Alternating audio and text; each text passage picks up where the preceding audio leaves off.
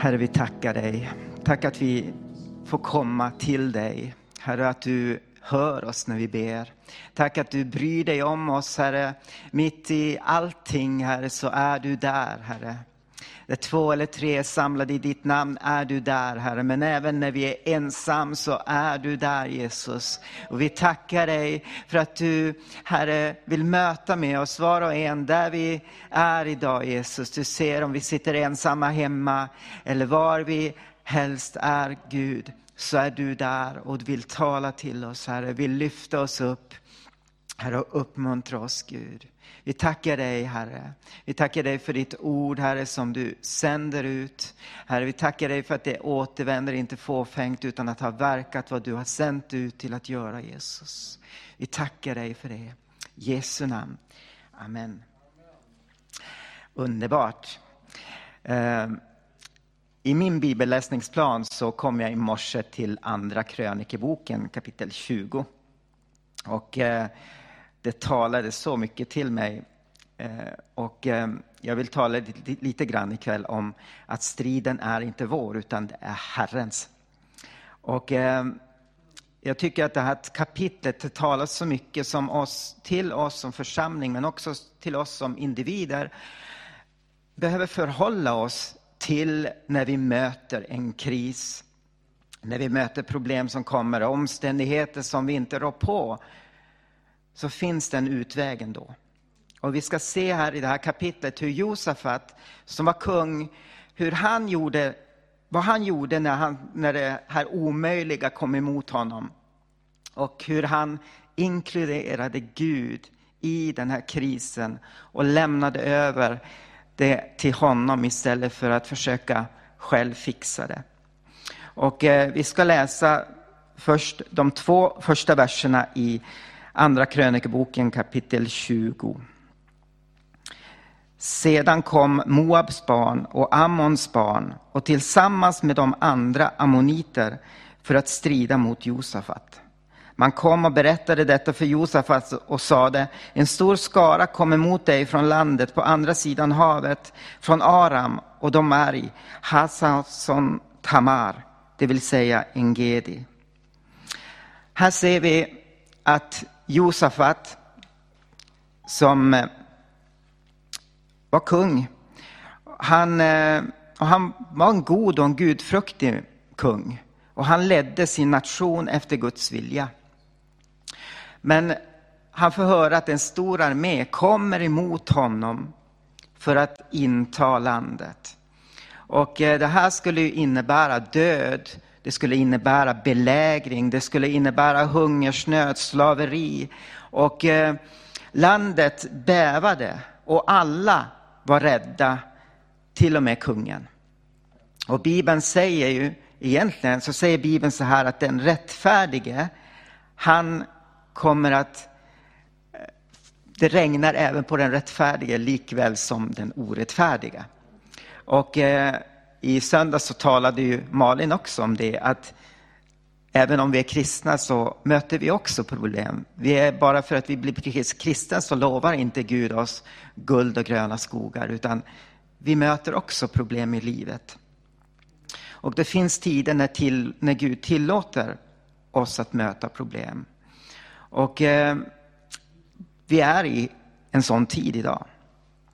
Och många som man pratar med är rädda och eh, vet inte alls vad man ska göra. En del har tappat jobbet, permittering och eh, har vänner som är sjuka och eh, man är rädd.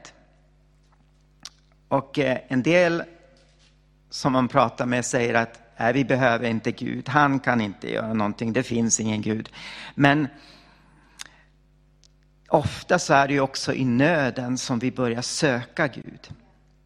Och eh, jag ber att vi som församling, men också vi som individer, ska söka Gud i den här tiden.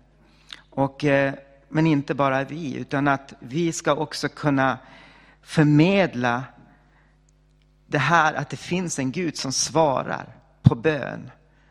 Och eh, Daniel Alm hade väl ett radioprogram nu i, i söndags där han eh, talade precis om det, att Gud hör om vi ber. Och, eh, men här så ser vi att det var en svår tid för Josafat. Allt såg mörkt ut. Och eh, du kanske går igenom en mörk tid just nu. Och eh, när vi går vidare här i bibelavsnittet här så kommer du få se att det finns en utväg. Och eh, vi ska läsa verserna 3 till och med 5 i samma kapitel. Då greps Josafat av fruktan och beslöt sig för att rådfråga Herren. Och han utlyste en fasta över hela Juda. Och Juda samlades för att söka hjälp hos Herren och från alla Judas städer kom man för att söka Herren. Josafat trädde upp i Judamäns och Jerusalems församling i Herrens hus framför den nya förgården. Det står här att Josafat greps av fruktan. Och jag vet inte, för det förtäljer inte historien här, om det kan vara så att han var fylld av tvivel. Men jag tror nog att det var så i början, att han ser den här armén, han, han vet hur stor armén är och, och han grips av fruktan. Han förstår att det här klarar inte jag av. Men då står det att han vände sig för att rådfråga Herren. Tänk er, han beslöt sig för att gå till Gud. När du möter problem, vem går du till? Får du panik kanske? Och var och en av oss kan bli rädd ibland. Möta panik, ha panik. Gör vi vad alla de andra gör? Blir vi deprimerade? Försöker vi lösa våra problem själva? Ibland så är det så att vi möter sådana problem så att det funkar inte att lösa dem själva. Och eh, vår depression hjälper inte. Att eh, bli deprimerad hjälper inte. Men här står det att Josafat beslöt sig för att söka Herren. Han beslöt sig för att visa att han var beroende utav Gud. Han gick till honom för att rådfråga honom vad han skulle göra. Han kallade alla till ett bönemöte. Och det är vad vi gör här. Vi är på ett bönemöte. För att vi vet att vi kan inte göra någonting. Men vi har en Gud som kan göra allting. Josafat var beroende utav Gud. Han bad alla att komma. Han sa att vi ska fasta. Och eh, ni vet att vi samlas ju här varje onsdag mellan halv sju och åtta och ber. Varje kväll ber vi också online mellan nio och kvart över nio. Och det finns andra som ber klockan sju på kvällen, andra ber klockan sex. Och det är många bönemöten som hålls på just nu. Och det är någonting vi behöver. Men från ett mänskligt sätt så kan det ju se lite dåraktigt ut att vi går till Gud. Det hade ingenting att göra. Josafat han samlade inte sin armé. Han kollade inte hur mycket vapen han hade, hur många svärd han hade. Utan han samlade människorna till bön. Kanske möter du och jag problem och eh, då ska vi möta dem på det här sättet, precis som Josef gjorde. På ett andligt sätt. Att vi börjar be, vi samlar varann, samlas oss till bön. Är du permitterad från ditt arbete? Be. Är du sjuk? Be. Saknar du ekonomi? Be. Är någon av dina närmsta sjuk? Be. Är du deprimerad? Be. Vi ska läsa vidare här i kapitlet från vers 6 och framåt till vers 13. Han sa, Herre, våra fäders Gud, är inte du Gud i himmelen och den som och den som råder över alla hedna folkens riken. I din hand är kraft och makt och det finns ingen som kan stå dig emot. Var det inte du, vår Gud, som fördrev detta lands invånare för ditt folk Israel och gav landet åt din vän Abrahams efterkommande för evig tid? De bodde där och de byggde där en helgedom åt ditt namn och sa, om något ont kommer över oss, svärd, straffdom eller pest eller hungersnöd, så vill vi träda fram inför detta hus och inför ditt ansikte, ty ditt namn är i detta hus. Och vi vill ropa till dig ur djupet av vår bedrövelse, och du skall då höra och hjälpa. Se nu hur Ammons barn och Moab och folket i Seirs bergsbygd det var deras område du inte tillät Israel att gå igenom när de kom från Egyptens land, utan de tog en omväg bort ifrån dem och förgjorde dem inte. Se hur de nu lönar oss. De kommer för att driva bort oss från din besittning som du har gett oss till arvedel. Skall inte du, vår Gud, hålla dom över dem? Vi förmår ingenting mot denna stora skara som kommer mot oss och vi vet inte vad vi ska göra utan till dig är våra ögon vända. Hela Juda stod inför Herren med sina små barn, sina hustrur och sina söner. Notera här vad Josef gjorde. Först så bad han i tro. Fruktan och tro är varandras motsatser. Josafat lyfte sina ögon från problemen, från armén, lyfte dem upp till Gud. Han som är Gud över himmel och jord. Han erkände Guds kraft. Han sa att du är Gud i himmelen och den som råder över alla hedna folken. I Hebreerbrevet kapitel 11, vers 6 så står det att eh, men utan tro är det omöjligt att, nalk, att behaga Gud. Till den som kommer till Gud måste tro att han är till och belöna dem som söker honom. Det finns fördelar av att söka Herren. Josafat påminde också om Guds forna gärningar. Han påminde både folket men också Gud om hur han hade hjälpt sitt folk förut.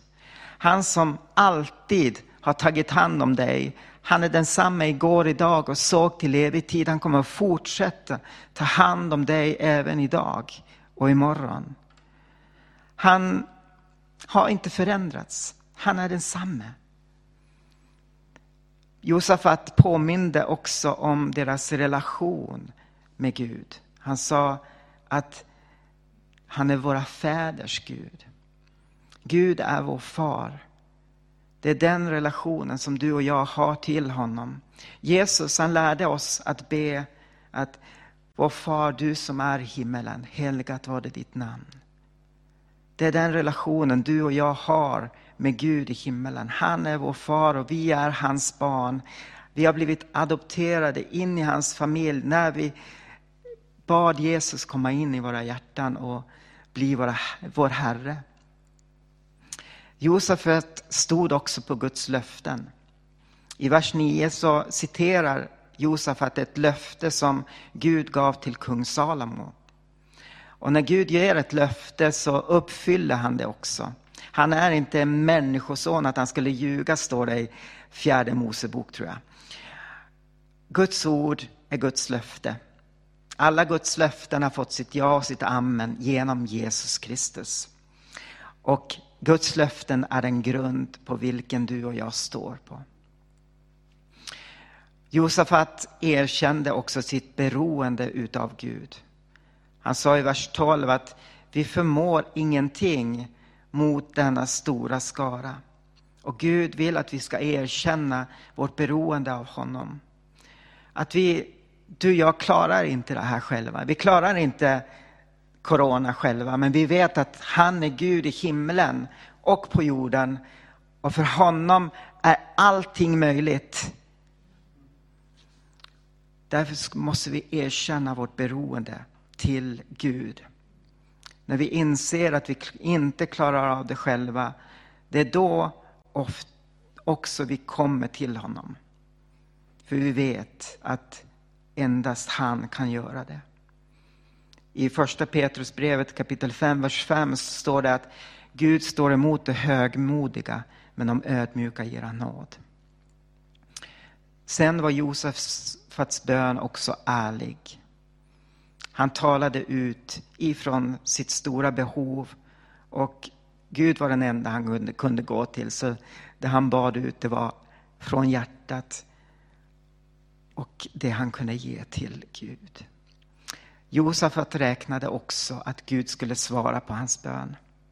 I vers 12 så sa han att till dig är våra ögon vända. Sen i vers 13 så stod det att hela Juda stod inför Herren. Efter att de hade bett väntade de på att Gud skulle svara. Och i vers 15 så står det så här. Lyssna alla ni av Juda och ni Jerusalems invånare och du konung Josafat. Så säger Herren till er.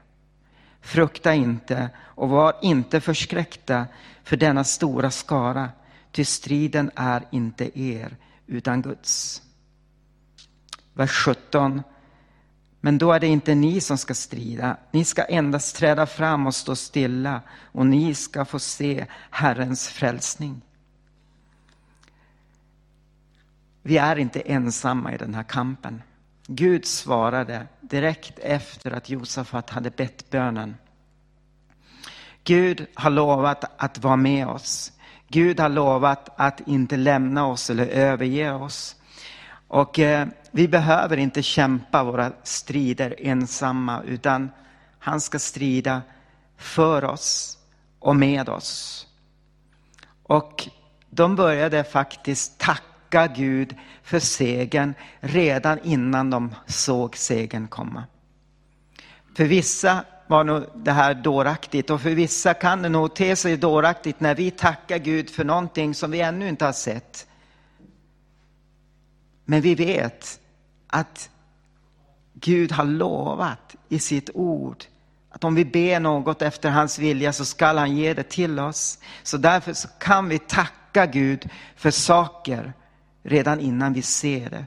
För att vi ser det i tro. Vers 22 säger så här. Och när de började att sjunga och lova lät Herren sitt angrepp, ett angrepp komma bakifrån på Ammons barn och Moab och folket från Seirs bergsbygd. De som hade kommit mot Juda och de blev slagna. Här började folket, vilken, de använde inte svärd eller någonting utan de använde sin lovsång. De började tacka Gud för segern. Gud sätter människor fria när vi tackar honom. Från slaveri, från sjukdom, från brist, från svaghet. Kom ihåg Paulus och Silas i, när de satt längst inne i fängelsehålan. Och det står att de i, på natten sjöng lovsånger till Gud. Och när de sjöng lovsångerna så blev det en jordbävning och alla bojor brast. När vi börjar sjunga Gud och prisa honom och tacka för honom för den han är, för hans löften som han har gett till oss, då släpps människor fria. Då blir de som förut var fångna blir fria. Dörrar öppnas som har varit stängda och människor blir friska som har varit sjuka. Resultatet av det här var att fienden utplånade sig själv. Och sedan att Israel plundrade fienden på värdesaker och gods som de hade lämnat efter sig. Jag går in i avslutningen nu och eh, jag vet inte vad du går igenom. Men det är mycket mörker som finns idag. Och eh, Gud är med dig där du är just nu. Och eh, det är dags för dig och mig att söka Gud.